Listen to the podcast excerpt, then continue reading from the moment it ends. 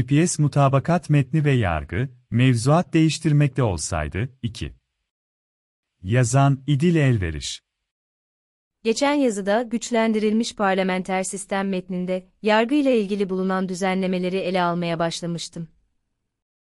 Bunun için hem girişte yargıya dair söylenen birkaç hususu, hem de bağımsız ve tarafsız yargı başlığı altında dile gelen alt başlık ve konuları aktarmıştım.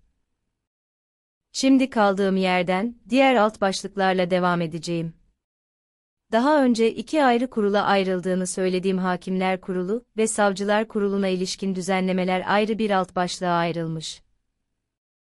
İki kurulun üyelerinin yarısının yasama tarafından nitelikli çoğunlukla, diğer yarısının ise Yargıtay, Danıştay, Türkiye Barolar Birliği TBB, adli ve idari yargı birinci sınıf hakim ve savcıları tarafından, kısaca kıdemli yargı mensupları arasından, doğrudan seçileceği düzenlenmiş. Bu düzenlemeler güçlendirilmiş parlamenter sistem adıyla uyumlu şekilde, seçim yetkisini yarı oranda yürütmeden yasamaya aktarırken diğer yarısını da yargının kıdemli mensuplarına yetki vererek adeta bir dengeye koymak istemiş. Bu kurullarca verilecek disiplin kararlarının yargı denetimine açılması da olumlu bir yenilik. Avukatlar, barolar, vatandaşlar. Bir sonraki alt başlıksa barolar ve TBB. Hükümetin son dönemde sesini kısmak için bayağı uğraştığı meslek kuruluşlarından birisi barolar olduğundan, önerilen bazı düzenlemelerin bunları geri çevirme amacı taşıması anlaşılır. Örneğin, TBB'nin seçim usulleri ile oynanması ve hükümet denetiminde yeni baro teşkili gibi tepki çeken uygulamalara son verilmesinin planlanması olumlu.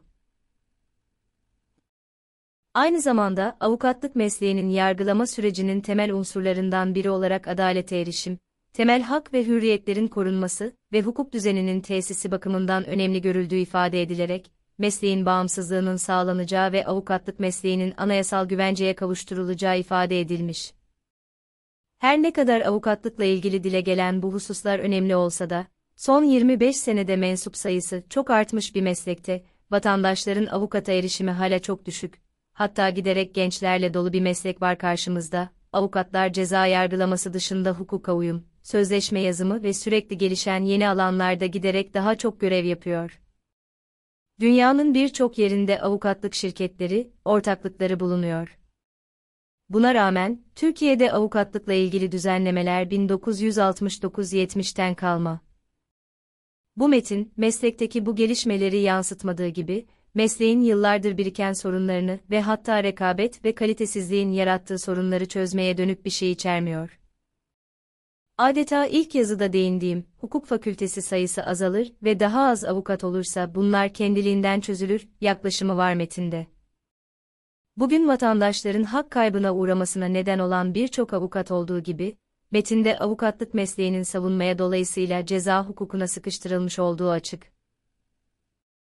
Dahası Cumhurbaşkanlığı hükümet sistemine giden anayasa değişikliğinin hangi koşullarda yapıldığından bahsedilirken, değişikliklerin toplumun geniş kesimleriyle müzakere edilmemiş olduğu ve bu kesimlerin içinde baroların da yer almasının gerektiği ifade ediliyor.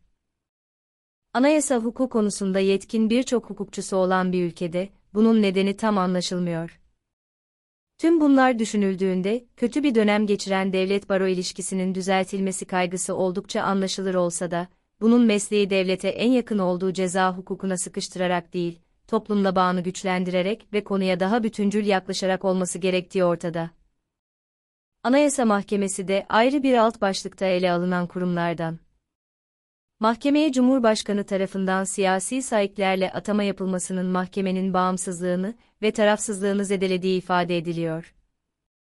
Bunun yerine üye seçimi bakımından yasama, Danıştay, Yargıtay, Sayıştay, TBB ve üniversiteler arası kurul tarafından belirlenecek adaylar içerisinden 3'te 2 nitelikli çoğunlukla yapılacak bir seçim öngörülüyor.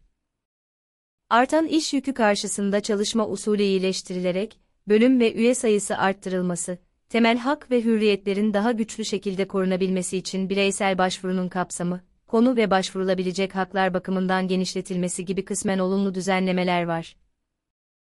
Ama hakim sayılarını artırmak, mahkemeyi bir başka yargıtay veya danıştaya çevirmek riski yaratabilir.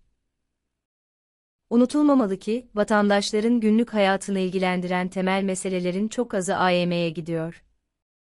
Günlük dosya yükünü çeken ve karara bağlayanlar yerel mahkemeler.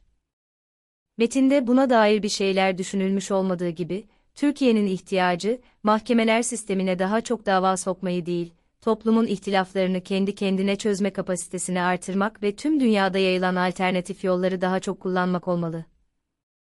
Danıştay ve Yargıtay, Yüksek Seçim Kurulu ve son olarak Sayıştay'da yargı başlığında yer alan son 3 alt başlık kurumlarından. Danıştay ve Yargıtay'ın seçimlerine dair yeni düzenlemeler getirilmiş. Yüksek Seçim Kurulu tahminen son yerel seçimdeki kararı nedeniyle yüksek mahkeme olarak düzenlenmiş. Keza Sayıştay'ın bir yüksek mahkeme olarak düzenlenmesi, kuruluş ve işleyişine ilişkin esasların anayasal güvenceye kavuşturulması, üyelerinin seçimi, yapacağı denetimin kapsamı, tüm kamu kurum ve kuruluşlarını içerecek şekilde genişletilmesi gibi yaşanan yolsuzluk ve hesap vermeden uzaklaşmaya tepkisel nitelikte düzenlemeler getirilmek isteniyor.